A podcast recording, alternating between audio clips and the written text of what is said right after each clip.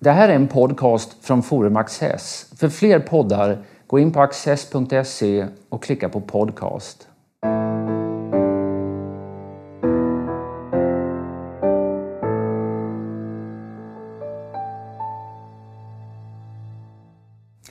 Välkomna till Studio Access och särskilt välkommen till Annika Borg som är präst, författare, flitig debattör.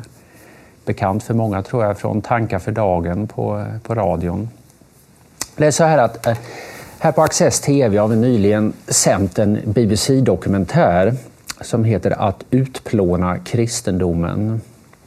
Och den handlar om kristendomens, de kristnas väldigt utsatta läge i Mellanöstern nu, framförallt i Syrien och, och Irak. Utplåna är ett väldigt starkt ord. Tycker du att det finns fog för det? Ja, tyvärr, får jag tillägga, så finns det fog för det.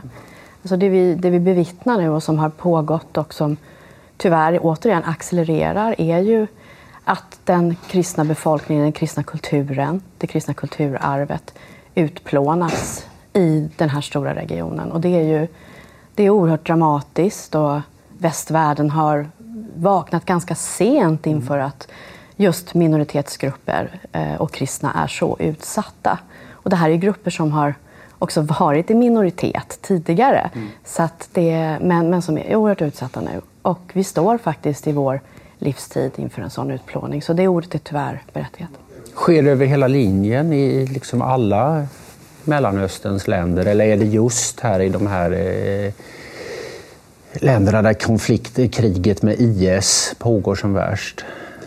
Ja, alltså det är väl så att om man tittar över hela linjen så är det klart att det finns eh, olika platser som i Libanon till exempel som har en stor kristen befolkning och så där det är annorlunda.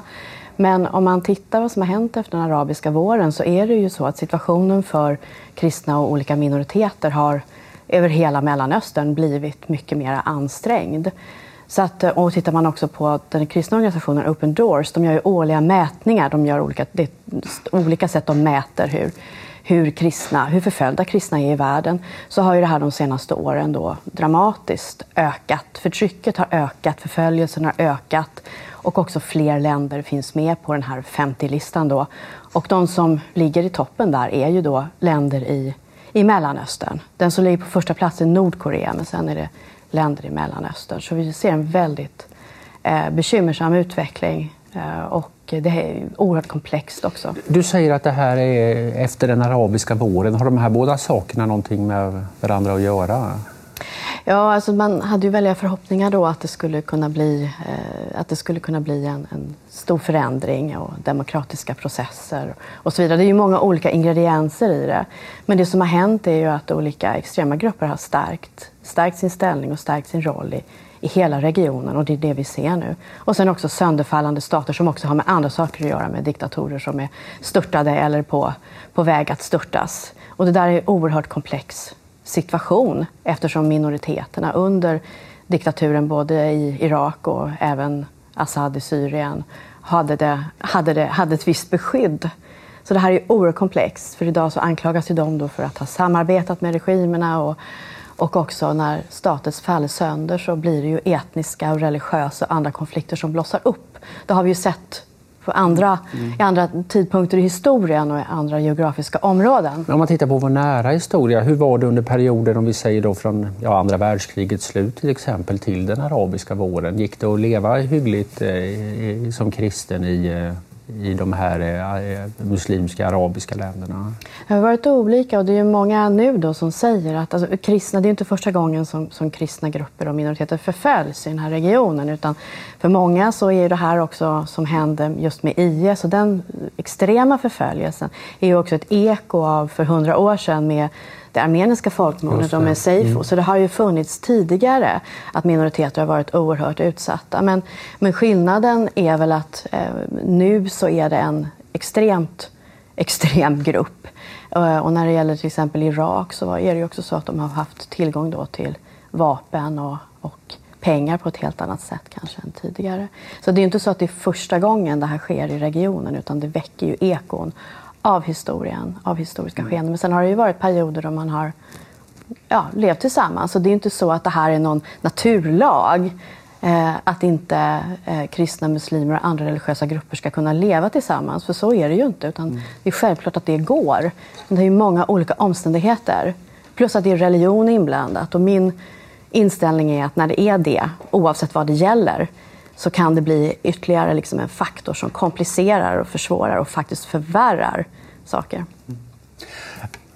Om man lite enkelt, eller så här i vardagslag så att säga, så tänker man Syrien, eh, Irak, det är mm, arabstater, arabstater i allmänhet muslimska. Men det är också en del av det, det kristna kärnlandet. Vi, har inte alltid, riktigt alltid det klart för oss. Alltså, men kristendomen har funnits där sen från början. Ja, och idag tror jag att det finns på tre ställen där man talar Jesus språk, arameiska. Eh, och, och, det är också ett språk som är på väg att, att, så att säga, utrotas. Så det här är ju då de bibliska platserna och det är heliga historiska platser både för judar och kristna. Och det har ju också funnits en, en ganska stor judisk eh, befolkning mm. i de här mm områdena. Men sen ja, slutet av 40-talet så finns det ju väldigt, väldigt få judar kvar i de här områdena. Då. Eller ja, säg 50-talet kanske. Så att det här är ju de klassiska platserna man tänker...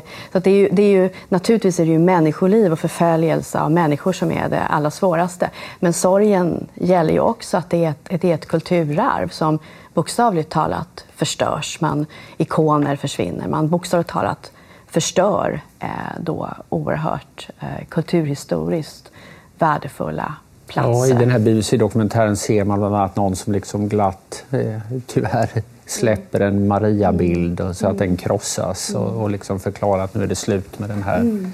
avgudadyrkan. Ja. Eh, Nej, för jag tänkte, Syrien till exempel, syrisk eh, ortodoxa kyrkan måste vara en av de äldsta ja. kristna kyrkorna. Ja, visst är det så. Och även i Egypten, kopterna är också en väldigt gammal kyrka. Så det, och hela det bibliska man tänker när det gäller just Syrien, att Damaskus är ju en sån här central, liksom, krist, kristet stadsnamn så att säga, med hela Paulus som får sin stora på vägen till, på vägen till Damaskus. Så, att, ja. så att det, är ju, eh, det är ju de rötterna i det kristna kulturarvet och på många sätt det västerländska kulturarvet. Och det är ju, det är ju en, en, någonting som inte kommer att kunna gå att återställa. Och i Irak är ju situationen sån att, att där, det, det går ju inte att, att, att leva som kristen, som kristen där idag. Det här att, det är en annan sak som kommer fram i den här dokumentären, det är ju att livet var paradoxalt nog lättare under eh, Assad i, eh, i Syrien. När, ja, han sitter ju kvar, men när, när, när liksom det var, inte var inbördeskrig. Mm. Och, och, även under Saddam Hussein, att samhällena var inte Ja, de var ju rätt, regimerna var sekulära och lämnade då minoriteten i alla fall lite mer i fred. Mm. Så att säga. Får de sota för det nu på något sätt? Att de liksom eh, anses vara lierade med, eh, eller kanske till och med har varit lierade med de här despoterna? jag skulle säga att det är en ingrediens i det här. Att man, att man är liksom klämd i en total rävsax eller helt inträngd i ett hörn. För det är ju precis som du säger, att under de här regimerna så, var ju, så, hade, så, var så fanns det mer av religionsfrihet än vad det finns idag.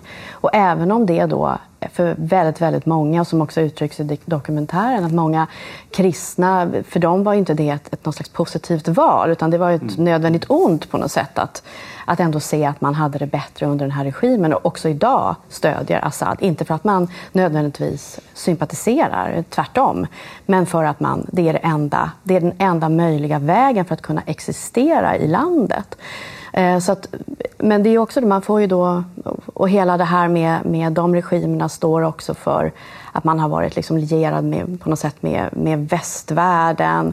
Så att, och också att man är otrogen, då i religiös mening. Så att man, det är en, liksom en rävsax av olika saker som man får betala för nu. Det finns många olika ingredienser varav det här är en. Mm. Och jag kommer ihåg när, när det här började i Syrien så var det en vän till mig som har väldigt mycket kontakter där och som som eh, förstår saker fort och djupare.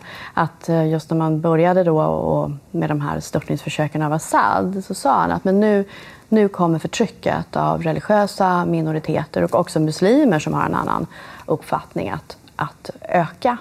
Och det där var nog ingen som varken rapporterade om, det här är ju flera år sedan, många år sedan, innan det liksom blev en mm. nyhet.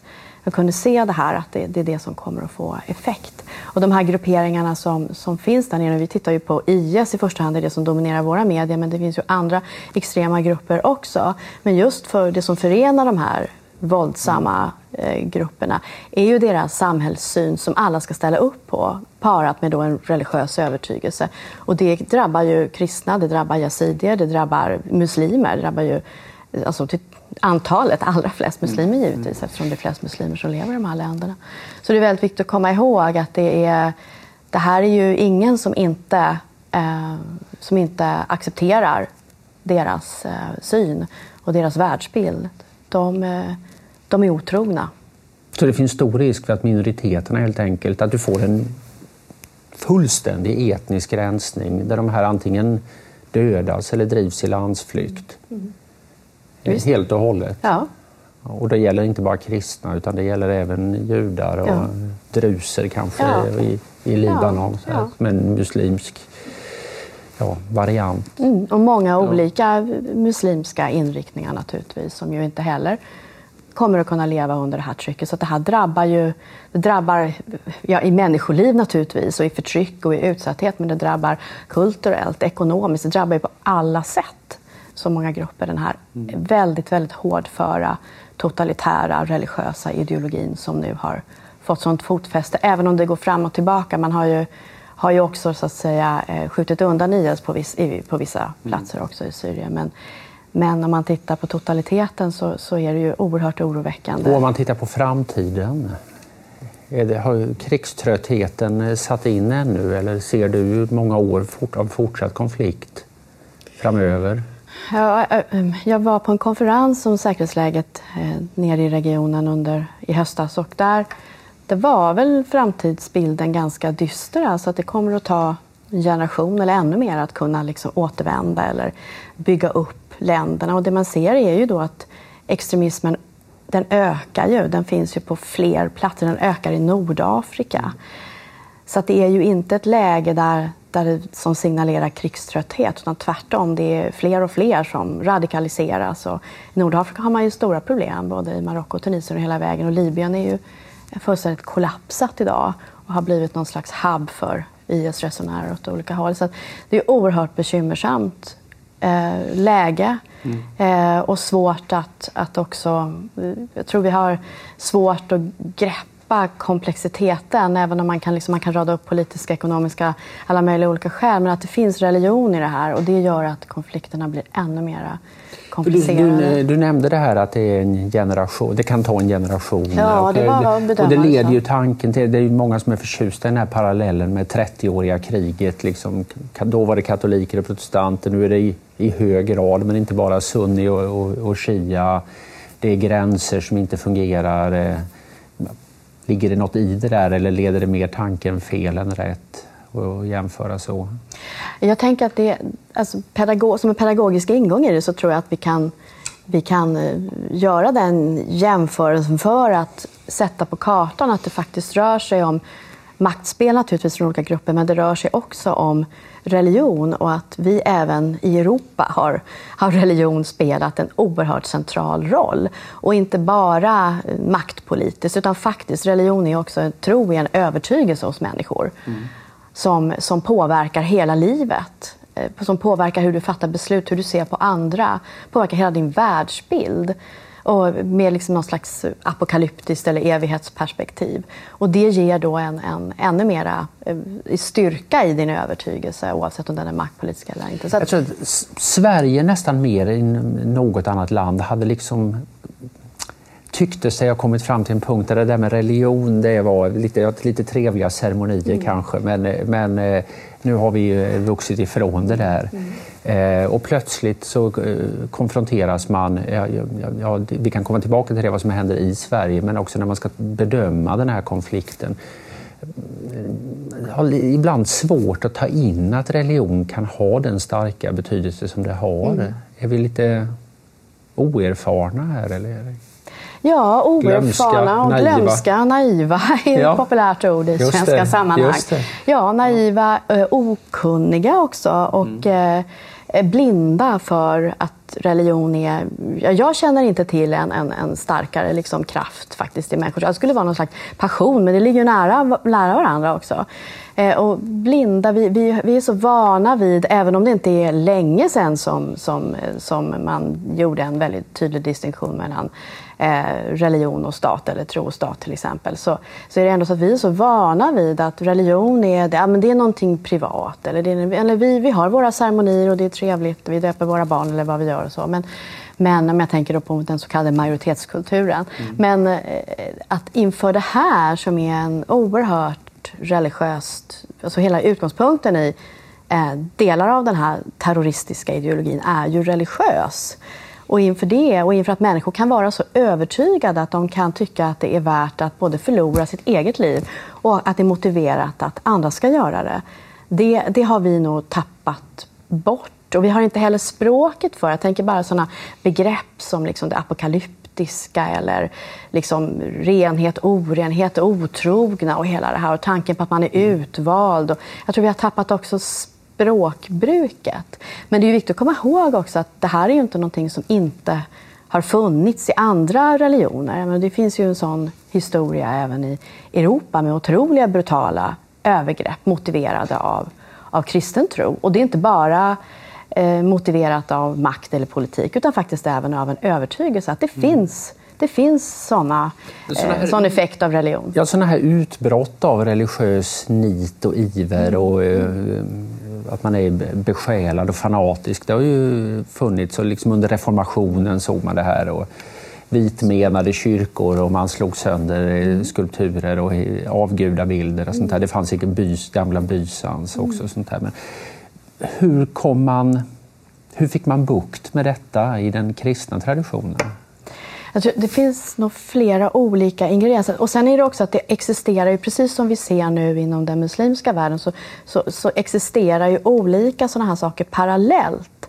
Eh, så att det är ju inte så att, att det enbart är en, en historisk sak att människor slutade att begå sådana här övergrepp mot varandra. Utan det, utan det har ju alltid naturligtvis funnits en annan religiös väg att vandra mm. som handlar om fred och frid och frihet och, och, och liksom försoning och medmänsklighet och så. Att det här existerar ju parallellt. Men jag tror att en, det hänger också samman med de, den historiska utvecklingen naturligtvis också. I vår del av världen så har ju reformationen haft en stor betydelse som handlar om människans myndighet och en kunskap och att tillerkänna människan eh, möjlighet att liksom avgöra själv.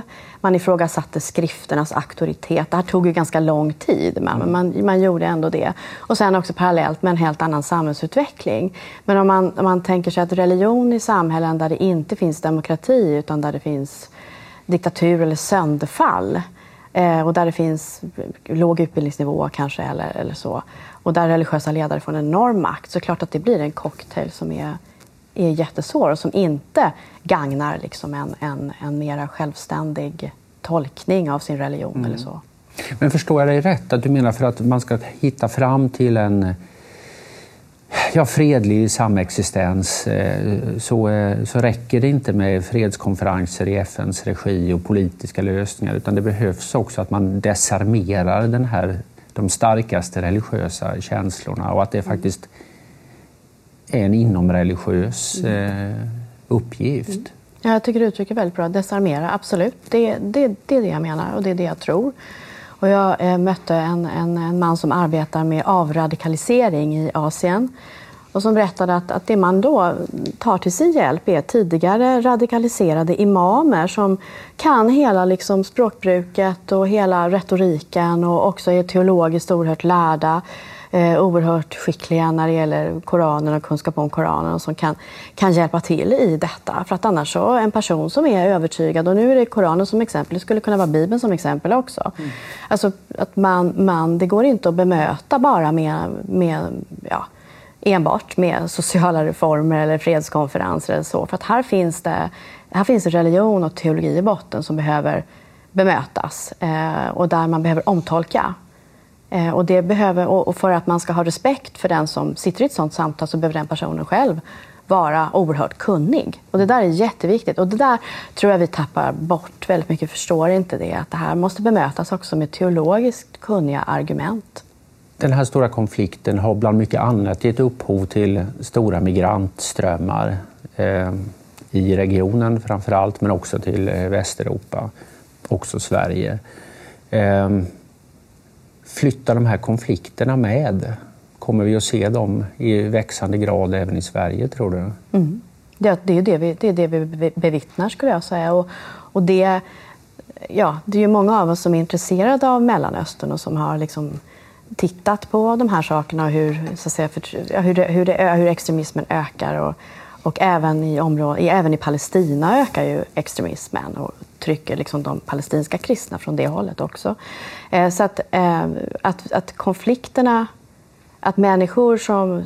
I, i, när det kommer många människor som har med sig de här konflikterna och de här olika religiösa inriktningarna så är det självklart så att vi har konflikterna här idag. Och Sverige, som har varit ett väldigt öppet och generöst land, vi har ju många människor som kommer ifrån de här konflikterna. Och det kan jag, jag kan ju inte förstå att man inte haft en plan för det. För det här är ju det här är ju en kunskapsfråga. Det, måste man, det här är ju logik. Det är ju orsak och verkan. Det är ju självklart så. Mm. Eh, och de här konflikterna är extremt infekterade. De har massor av olika dimensioner. Och det är då religion som både drivkraft och ut, ut, alltså utfall av det här. Mm.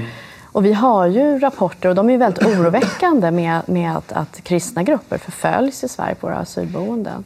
Mm. Och det här kom ju, började komma, eh, fakt, eh, komma rapporter om det i somras. Eh, och som ju inte heller riktigt togs på allvar på ett tidsstadium. Eller man försökte, jo men det är klart att människor ska få skydd. Eller vi gör någonting åt saken. Eller så farligt var det inte. Det var inte så många. Eh, och nu tror jag det är klart att det här kommer bli problem och är problem idag. Och, och, och återigen då så, så möter vi det här med ändå god tanke att ja, men människor ska ju leva tillsammans. Nu är de ju här. Nu ska det här funka. Och det tror jag är en extrem naivitet, eller det är, inte, det är, det är ren dumhet. Jag säga också. Så kan man, inte, kan man inte bemöta det här, utan man måste ta det här på allvar. Man måste ta människor på allvar. Man måste ta på allvar hur svår, svåra de här konflikterna faktiskt är. Hur tycker du att den svenska kristenheten har hanterat det här? Ja, om jag tänker då på det, till det största trossamfundet i Sverige, Svenska kyrkan, så, så, så, tycker jag att man hanterar det här på ett ytterst eh, anmärkningsvärt och ansvarslöst och märkligt sätt. I det att man, man skulle kunna tänka sig då att man hade varit väldigt tidig på den här bollen med att just de kristna trossyskonen är så utsatta. Och ska fokuserar man det så får man också, kan man ju också fokusera på andra så att säga, minoriteter också. Men att, att man inte har...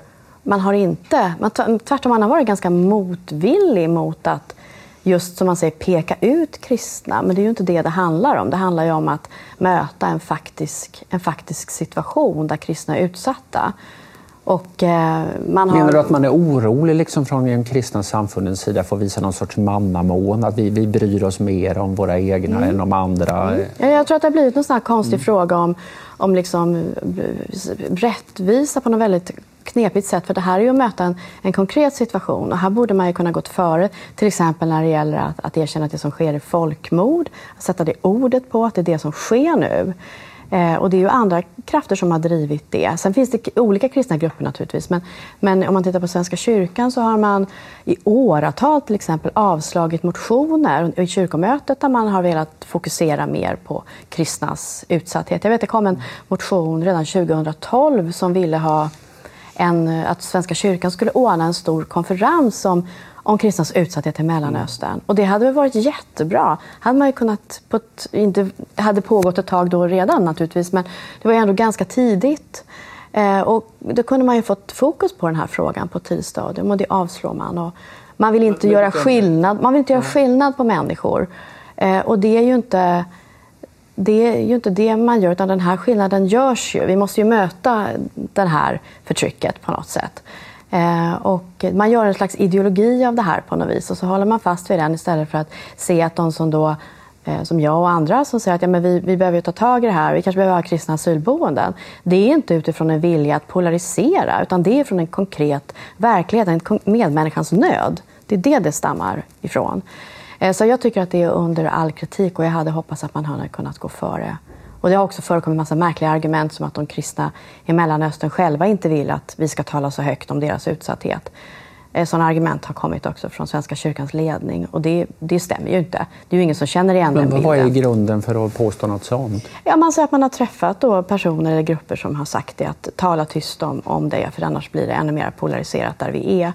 Och det känner man ju inte igen från andra kyrkliga företrädare nere i Mellanöstern som snarare ropar på världssamfundets eh, hjälp i deras stora nöd. Så att, eh, det ligger någon slags ideologi bakom det där som jag tycker är, är, är jag tycker inte att det är ansvarsfullt att driva någon slags ideologi i en situation där människor mm. faktiskt utsätts. Har, har det här börjat förändras eller är det likadant fortfarande?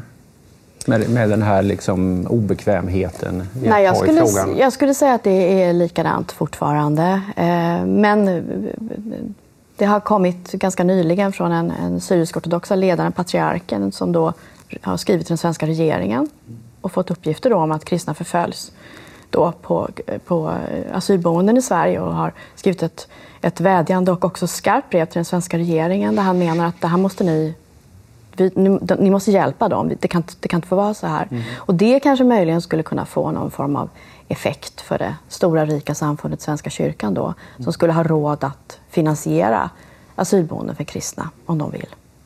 Jag tycker det är intressant att du ändå betonar hur stark och nästan farlig den här religiösa övertygelsen är. Alltså en, en, en potential för någonting väldigt gott mm. eller för någonting väldigt, eh, väldigt ont. Mm.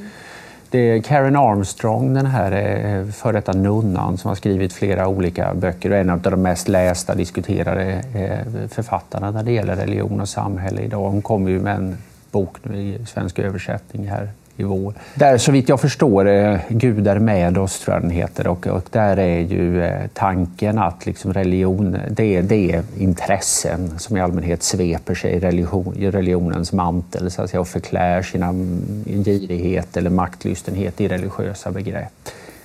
Men förstår jag dig rätt att du tycker att det är mer det är mer komplicerat än så. Ja, det tycker jag. Och, och jag tror inte att man kan komma någonstans om man inte eh, adresserar och tar ansvar för att i de religiösa traditionerna, alla, finns, eh, om vi tittar på de så att säga, som har en, en, en, bok som sin urkund och som sin heliga skrift, finns det problematiska texter, våldsamma texter, jättesvåra sådana texter som människor tar till sig. Och, och, och så. Och att det Eh, om vi inte adresserar att det faktiskt förhåller sig så, att det faktiskt är så att, att religionerna också är bärare av sånt som är problematiskt. Det är inte bara någonting som läggs på, utan det finns faktiskt problem i till exempel de religiösa urkunderna.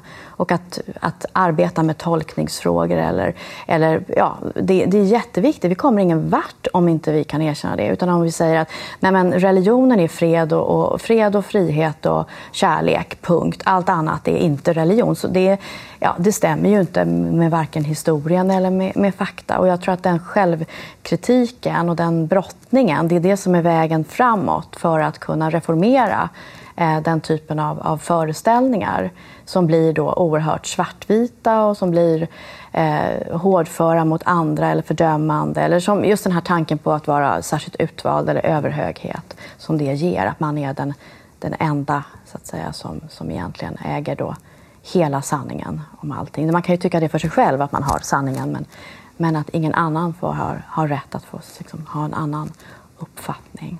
Så att jag tror inte vi kommer någonstans om vi inte gör, gör upp med texterna. All right. Annika Borg, stort tack för att du har varit med oss. Tack för att jag fick komma.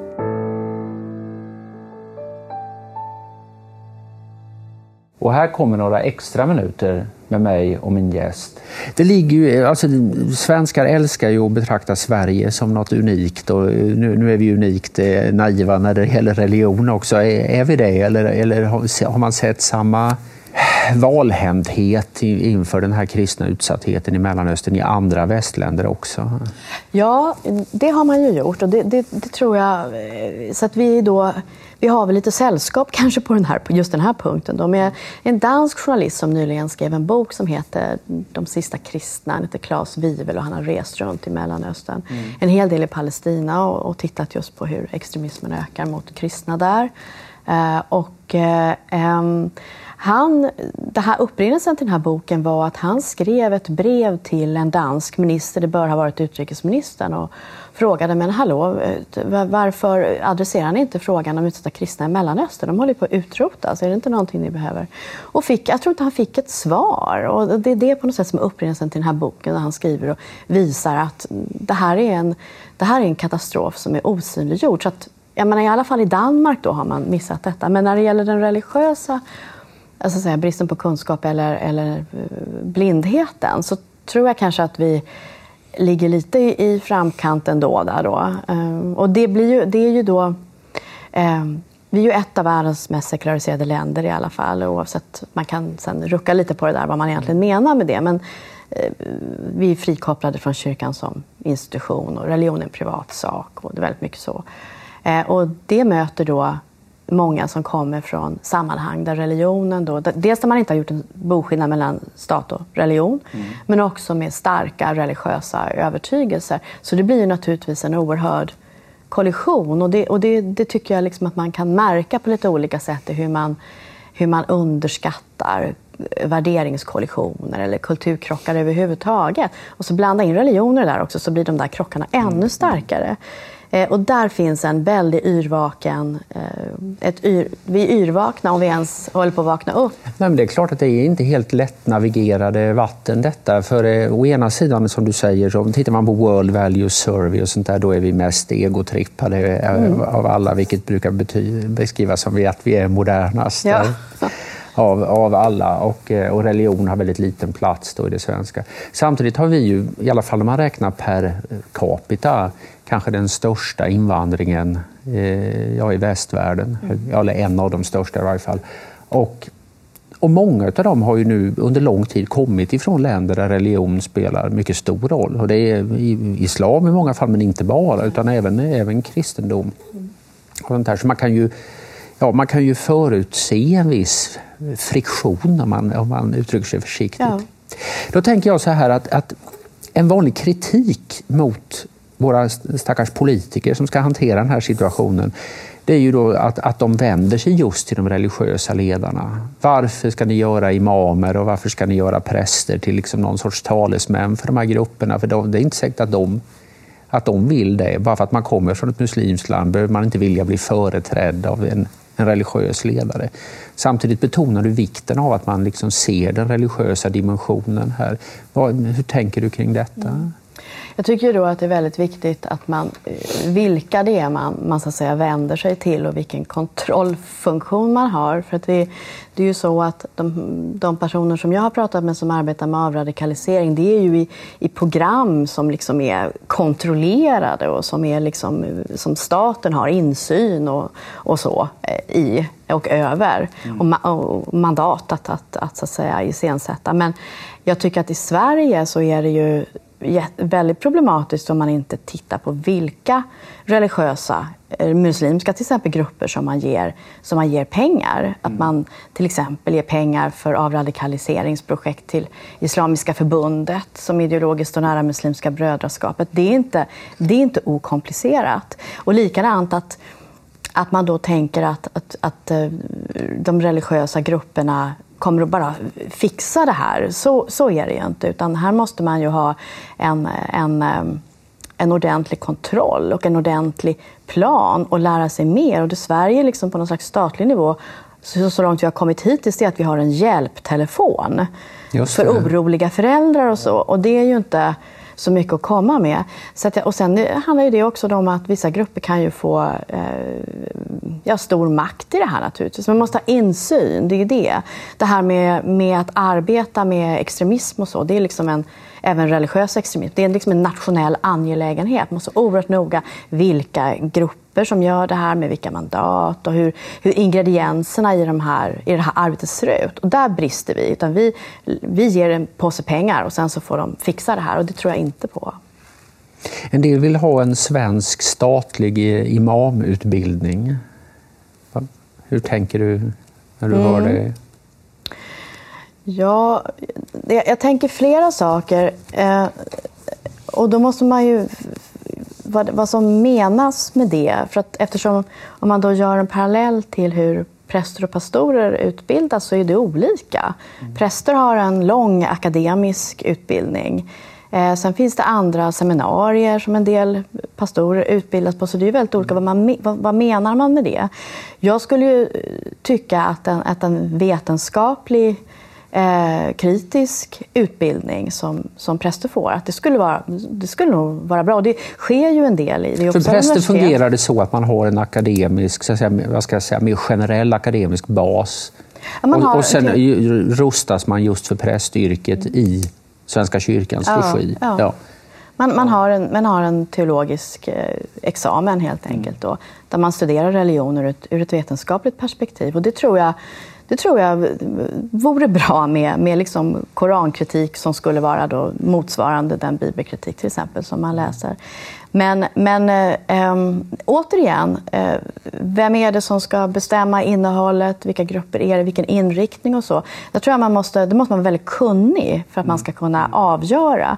Jag tänker på ett, ett land som Marocko. Där finns det en imamutbildning som man har startat. En imamskola som man har startat för några år sedan. Där både kvinnor och män utbildas. Okay. Och som man har som ett led i att motverka radikalisering och där man arbetar till exempel, man, man läser om andra religioner och religionshistoria. Och det, det är liksom inte vanligt att, att man gör i andra sammanhang, men det gör man med den här skolan. Så det är klart att det finns exempel att ta intryck av.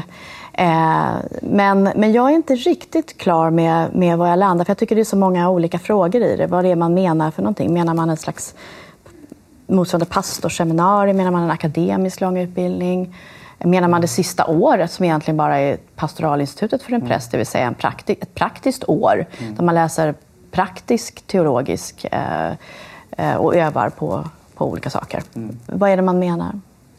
Ja, jag, tror, jag är inte säker på att alla helt, har det helt klart för nej, sig. Jag tror inte, nej, men precis. Det, det, det, är ju verkligen lätt, tycker jag, att ofta när man läser om förslag eh, på, på det här området i vid mening, att man liksom tycker de är lite tafatta.